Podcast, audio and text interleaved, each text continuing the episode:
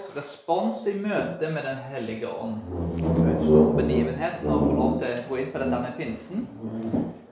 Og vi skal gå inn på denne teksten og, og få se betydningen av pinsen.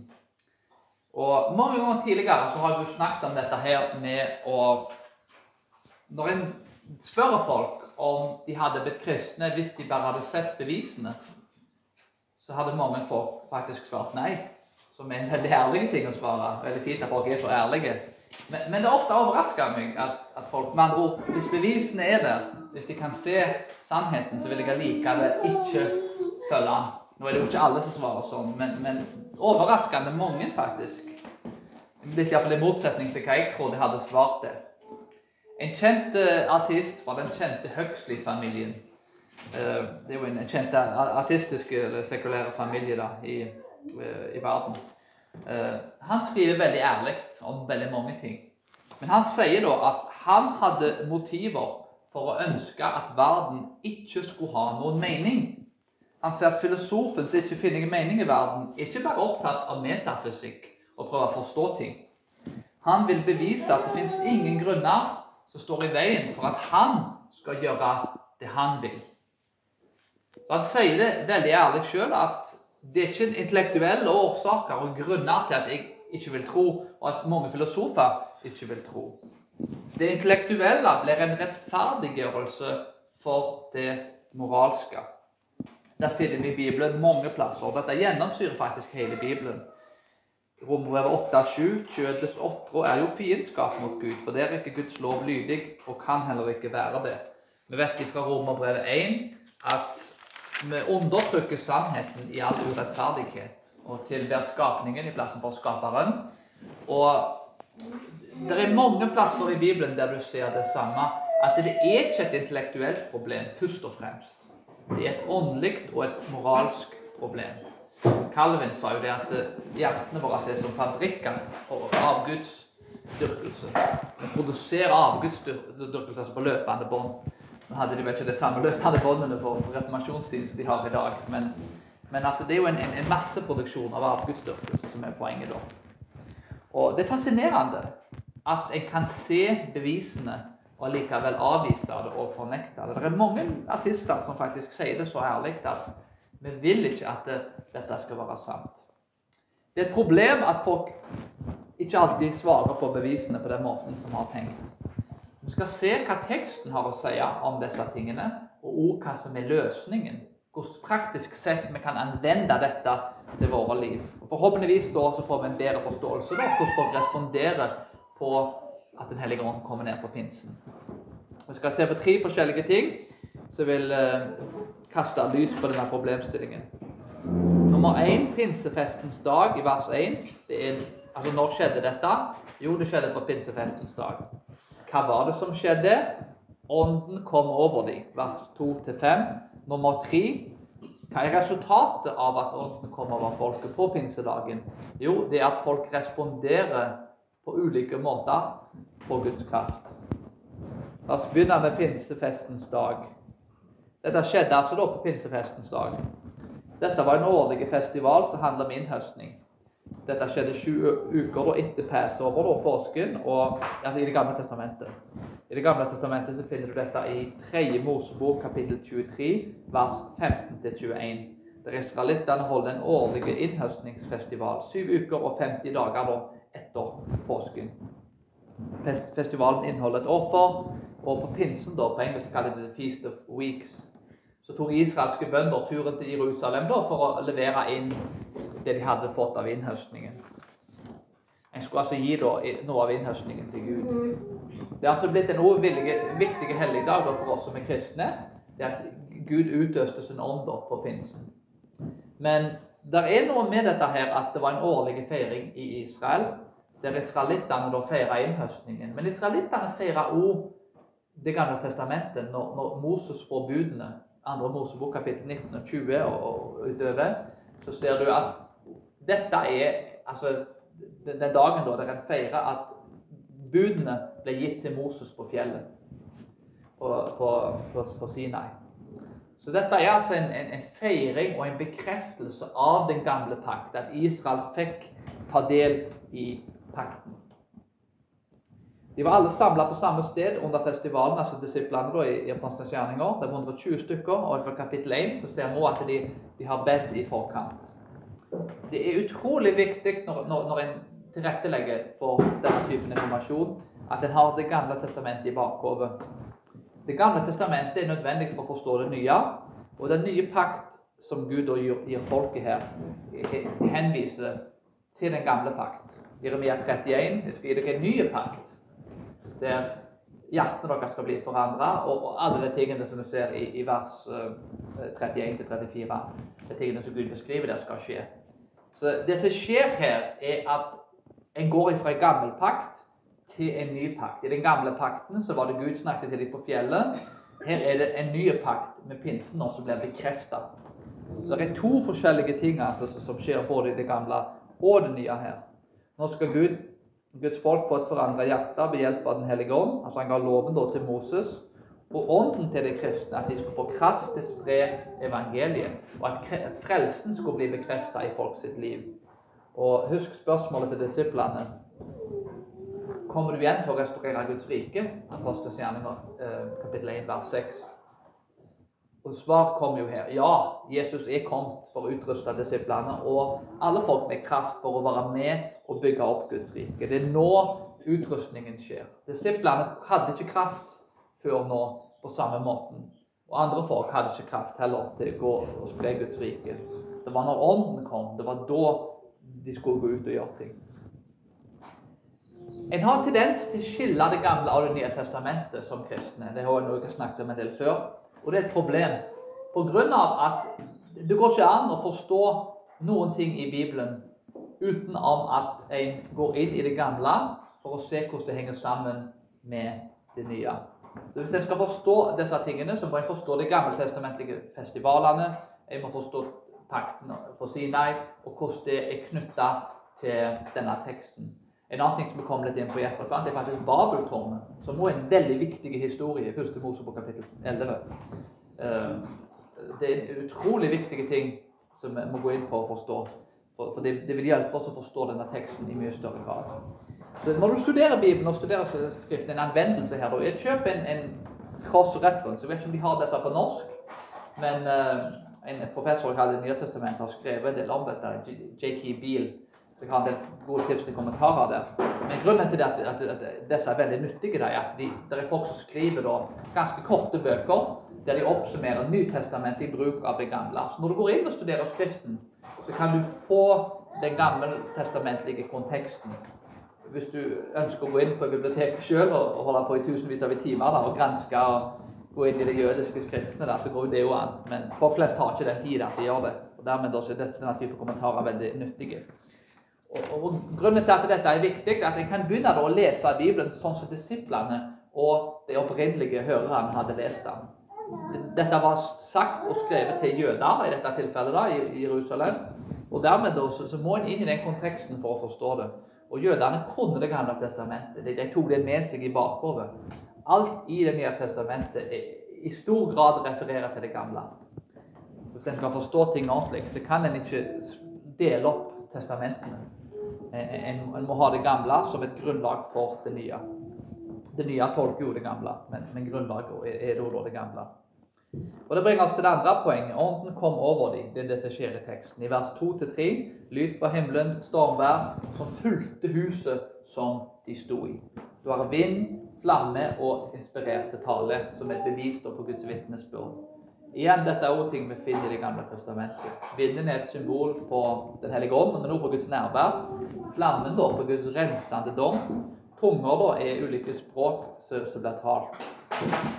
Eh, når folket taler til eh, sorry, når, ja, når folket taler til Gud, og Gud taler til folk i andre Mosebok, så blir det referert til 5. Mosebok 4.33, der Gud da faktisk taler ut av flammen. Så dette med at det er ild er faktisk en henvisning til Det gamle testamentet. At Gud taler ut av flammen. Når han taler til Moses, så taler han ut av flammen. Når han er på, øh, på Sinai, så taler han faktisk til folket uh, ut av en flamme. Han taler jo under ulike omstendigheter. Det er ikke alltid han er en flamme. Men, men, så dette er jo noe som ligger i bakhodet til jødene som hører dette. Gud kommer med, med flammen. og døperen Johannes, vi vet jo hva han sa, at han skal døpe deg i Den hellige ånd og med ild. Så, så dette, med, dette, er jo et løfte som blir oppfylt fra døperen Johannes ord. Men det ligger altså i bakhodet at når, når, Moses møtte Gud, så, så snakket Gud til ham i en brennende busk. Så igjen, Men vi ser parallellene. Det skjer altså etter da Den hellige ånd eh, blir forløst. Når Jesus er oppe i himmelen. Vi snakket jo om oppstigningen forrige gang. Blodet blir levert til Gud i himmelen. I plassen for at Guds dom kommer over folket. Gud bør dømme folket sitt. Vi ser i Babel Han dømte Babel. Hvorfor dømte han Babel? Jo, for Jesus hadde ikke gått foran Gud og sagt at nå er det fullbrakt. Nå har blodet mitt dekt alt til. Nå kan syndene bli tilgitt. Dermed også ble Babel dømt. Og mange andre nasjoner i Det gamle testamentet ble dømt òg. Men nå ser vi faktisk det motsatte. at Ut fra Hebreabrevet og fra forrige tale Jesus gikk foran Faderen, tok blodet og, og malte det på tronen. Og dermed da så ser en at nå er verket fullbrakt. Den hellige kan bli forløst, og tilgivelse og frelsen er blitt tilgjengelig for folket. Og dermed da så er det ikke flammen som kommer som en, som en dom som kommer ned foran folket. Det er faktisk akkurat det motsatte. Får tilgivelse for synd. Dette er altså restaureringen av Guds rike som begynner med Ånden. Og i vers 4 så ser vi også at tunga da betyr, betyr bokstavelig talt tunga, eller det betyr språk. Det er jo ofte mye snakk om dette med tungetale og andre ting. Og, og i, i, dette tilfellet, det ordet tunga blir brukt ulikt, og vi kommer inn på det i Korinterbrevet senere. Vi skal ikke bruke mer tid på det her og nå. Men uh, dette betyr språk, da. I denne sammenhengen så tror jeg ikke denne teksten egentlig er så komplisert at folk gjør den til. Jeg tror det er bokstavelig talt språk. og Det er iallfall det teksten virker til å si for meg. i hvert fall. Så De blir fulgt med Den hellige ånd og, og gir, blir gitt da ulike språk som de taler. Ja, Bokstavelig talt at jeg plutselig begynner å snakke noe polsk. Altså, kanskje et ord polsk, men, men plutselig nå så gir ånden meg kraft til å tale polsk. da. Eller et språk som jeg i utgangspunktet ikke har studert eller ikke kan.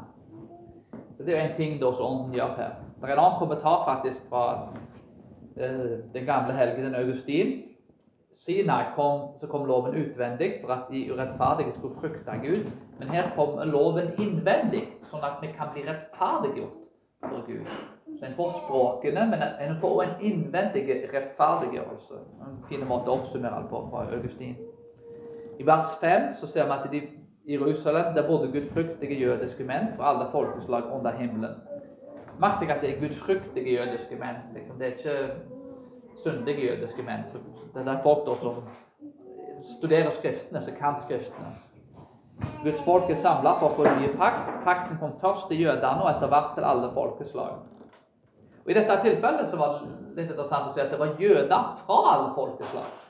Jødene hadde en stor tilværelse i, i Romerriket. Noen sier at det var kanskje opptil 10% av Romerriket som var jøder, som er, som er ganske mye folk. Og Jødedommen har heller ikke alltid blitt forstått etnisk. Uh, jødedommen har ofte gjennom historien for, altså I dag er det mer at mora di er en jøde, derfor er du en jøde. Det er den tradisjonelle tolkningen av jødedommen. Men det kom senere, etter jeg har blitt fortalt iallfall, og forstått. Eh, hvis det er sant, da, så er jo ikke Abraham en jøde. Han var ikke født som jøde. Mora hans var ikke jøde. Og Moses si, si kone var jo ikke jøde. Det var jo ikke svigerfaren til Moses heller da. Og du har, du har Rahab og du har Ruth og mange folk i Bibelen, av de største folkene som har, som har levd i Bibelen, er faktisk folk som ikke har jødiske mor. Og dermed er det veldig vanskelig å, å knytte dette med jødedom til en etnisitet. Det er jo en etnisitet, men det er òg et folk. Eh, altså, det er jo heller ikke nødvendigvis bare knytta til Israel, for de fikk jo eh, komme ut av Egypt og ble om, jo omgjort til et folk i ørkenen før de hadde et fysisk land. Så jødedommen er, er mange ting. Og han har jo forandra seg i den historien. Men grunnen til at dette ble nevnt, da, er at dette er en reversering av Babel. Apostlene snakker ulike språk som de kan forstå. Gud splitta folket i Babel fordi at folket gjorde et opprør mot Gud. For å sammenligne Babel og pinsedagen, da, for det er her kontrastene er. Husk på dette. Det er gudfryktige jødiske menn, noe som betyr at de kan første Mosebok. De har lest boken, de kan den, og kanskje memorisere noe av det til og med. hvis de var skikkelig lærde. Så dette er folk som kjenner til historien fra første Mosebok. når dette blir sagt, så er det en forutsetning at dette er folk som kan dette stoffet. I Babel så ville mennesket nå opp til himmelen for å erstatte Gud. Mennesket ville skape et navn for seg sjøl. Gud stopper dette med å spre folk og forvirre språket deres. Og splittelse er resultatet. Det blir splittelse fordi mennesket vil sette seg sjøl i førersetet og bestemme, og Gud skal fjernes fra sin trone. På pinsedagen er det en reversering og en gjenopprettelse av Babel. da. At en, en går fra mange språk da, til språk som kan bli forstått av ett språk. Et språk da i ånden. Den hellige ånd kommer ned fra himmelen på pinsedagen. Folk forstår språket. Guds navn var prisa, ikke menneskers navn. Språk er brukt som et tegn for å vise Guds kraft, og enhet er resultatet. Så det, det, altså Mer forståelse Jeg er ofte litt forvirrende av og til når, når dette med tungetallet blir nevnt. fordi at uh, i, i, dette tilfellet da, så handler det jo nettopp faktisk om, at du skal bli forstått med språket du bruker. Og Ofte så blir tungetallet beskrevet om, som noe annet, der en ikke skal forstå språket. Men her er det faktisk en, en gjenopprettelse av språk. Det, det, er ikke for noe som blir gjort for å skape mer forvirring, men for noe som er med å skape mer tydelighet. Og enhet er resultatet. Språk er noe historisk som har splitta folk. Beklageligvis. altså En i Nigeria som sa at uh, alle snakket engelsk i Nigeria. Det var vel en, tidligere koloni, hvis jeg husker helt feil. Eh, mye anglikanere i Nigeria. Og han sa at når alle snakket engelsk, så slutta de å drepe hverandre. Hvis de snakket to språk, så, så, så, hadde de to kulturer, to lovsystemer. To nasjoner, egentlig, i én nasjon, Så strevde hverandre. Et språk, var, så var de venner med hverandre. De kunne gjøre ting sammen. Det var enhet. Så språk er noe som skaper enhet. Vi stiller alltid det spørsmålet hvordan kan England, det lille landet, kolonisere store deler av verden? Og det er pga. når de gikk til India, var det kanskje 30 000 språk, kanskje like mange stammer. Alle hater hverandre, ingen liker hverandre. Kommer du inn, du, du, tar han, du tar han, og så sitter du og ser på, og så går du inn og plundrer det etterkant. Det er forferdelige ting som skjedde der, men, men når et land er splitta med mange språk, så, så, så, er det veldig vanskelig å få enhet. Og, og det, den europeiske historien nå kan beskrives til å være en del av de samme tingene. At England var jo Storbritannia da var jo et, et, et samla, og dermed så kunne de jobbe i lag internt for å oppnå ting, i plassen for å jobbe imot hverandre internt. Når det er intern splittelse, så jobber folk imot hverandre i plassen for å jobbe i lag om ting. I kirkelivet da, så, så bør vi være med å bygge opp dette med, med enhet. Og nå er det jo en, en, vanskelig ting ofte med enhet, og splittelse er jo en, en naturlig ting i, i, menneskets tilværelse. En viktig, en sentral ting er jo at det, hvis en skal ha ordentlige institusjonelle enheter i kirka, så må en jo da være enig om hva som er sant. Martin Luther var satt jo sannheten foran enheten. Og, og det, det, har ikke vært noe enhet med den katolske kirka i etterkant. Men det er pga. at sannheten ble viktigere enn enhet. Eh, en kan derimot si at det er noen sånn grunnprinsipper, til og med for kirkesansen, som en er uenige med. Der kan komme i lag å si ja, vi er uenige om en del ting, men vi har dette til felles. Og prøve i den grad å kanskje være en fredsmekler der en da taler sant, men samtidig som en, en har noen ting en kan jobbe i lag om visse problemstillinger i samfunnet, som ulike kirker, uavhengig av, av, bakgrunn. Og det kan være ting som kan være med å skape enheter internt.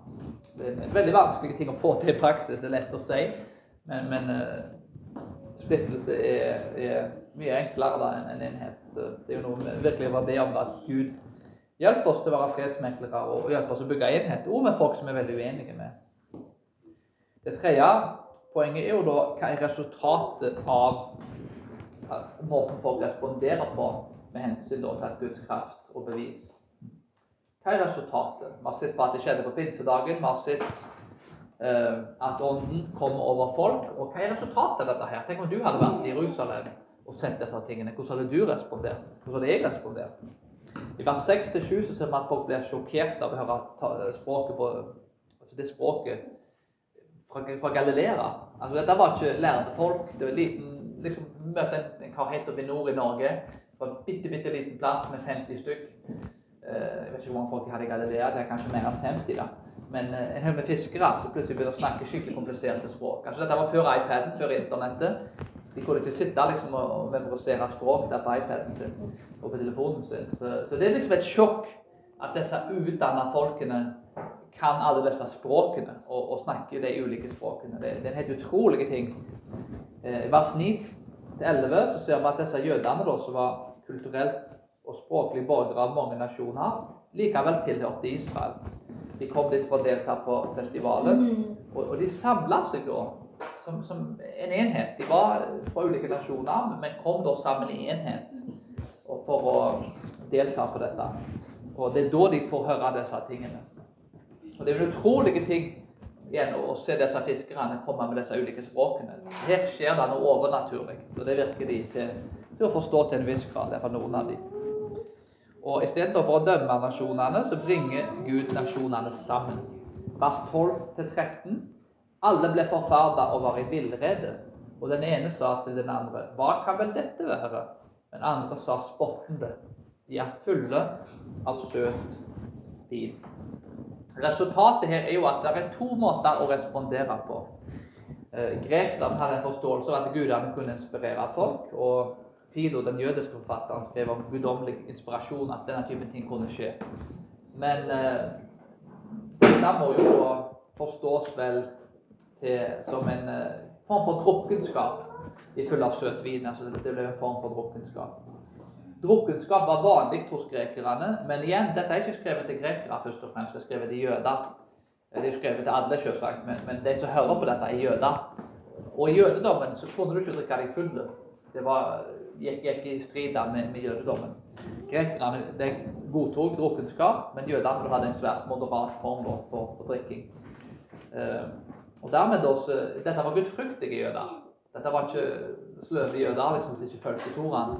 Dette var folk som observerte dette. Og dermed da Det er veldig forunderlige ting å, se at folk da dette med at de har drukket seg fulle. da, At en gjeng med gudfryktige jøder da skulle, skulle drikke seg fulle, er veldig irrasjonelt og utenkelig.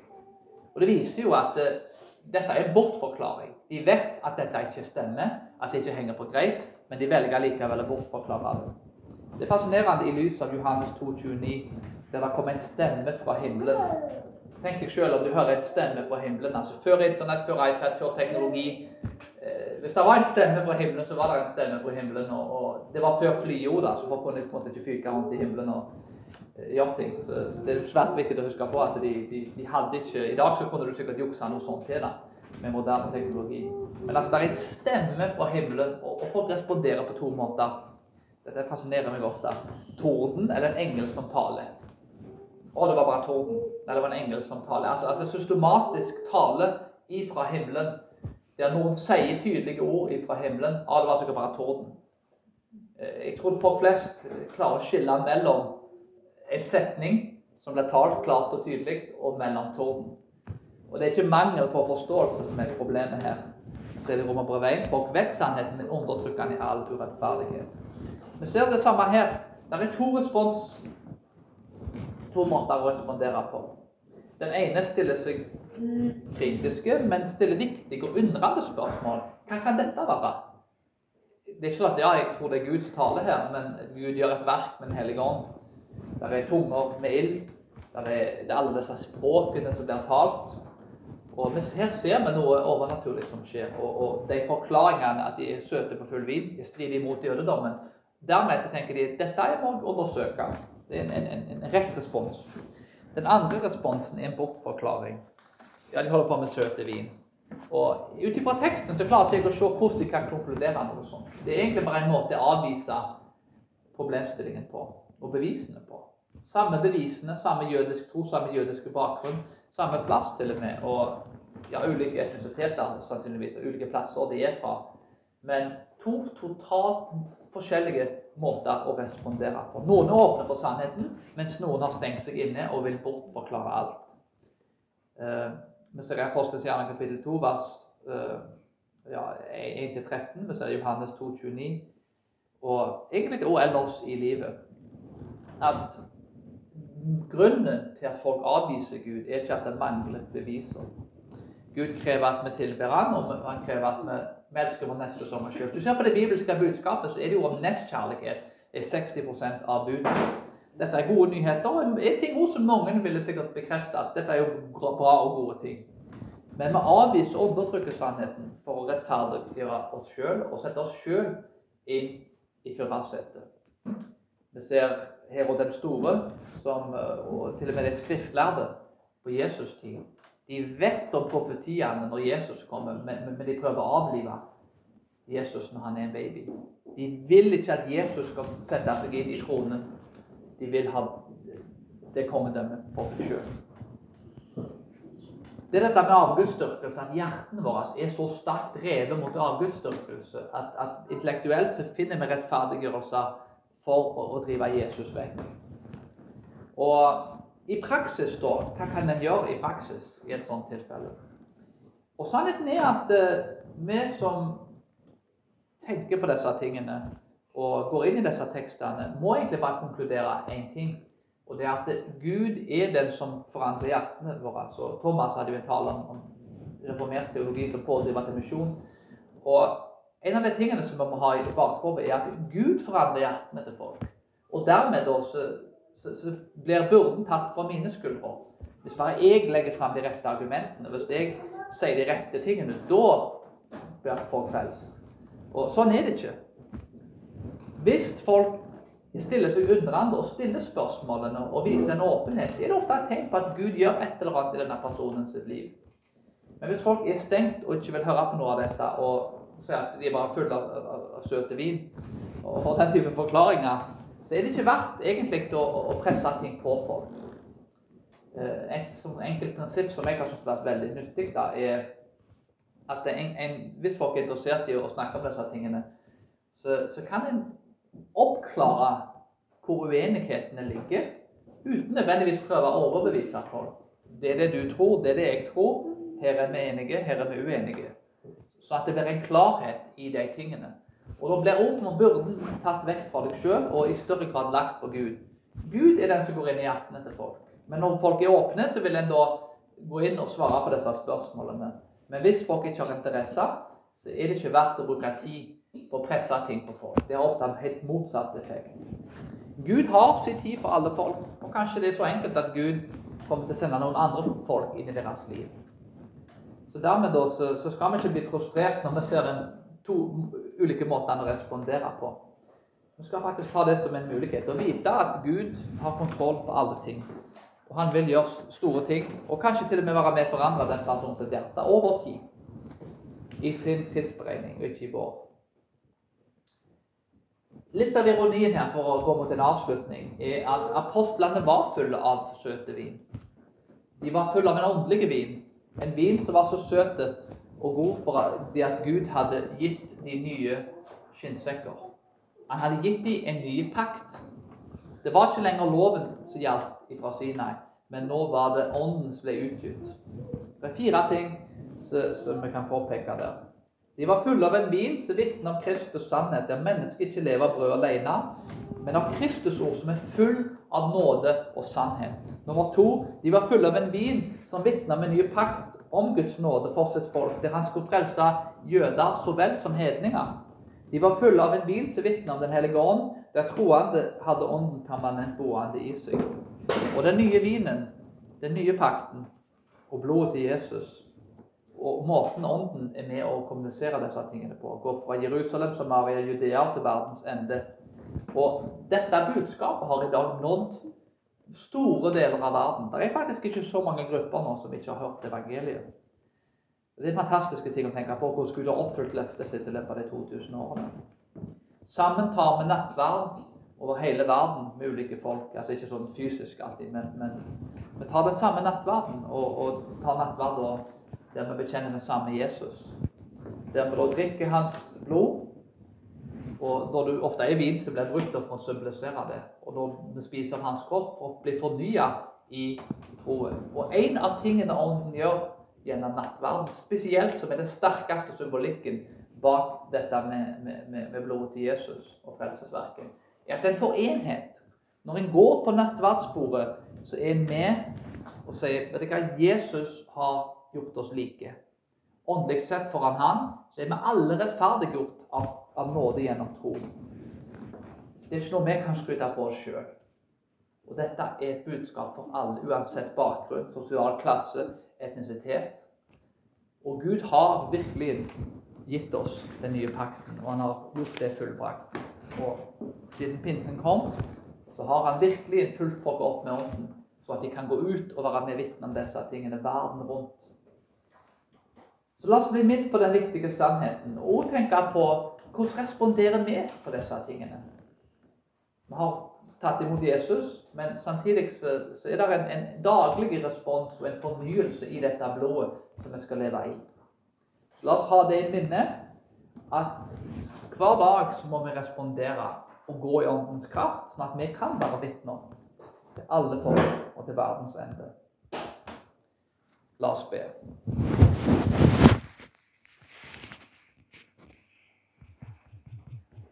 Himmelske Far.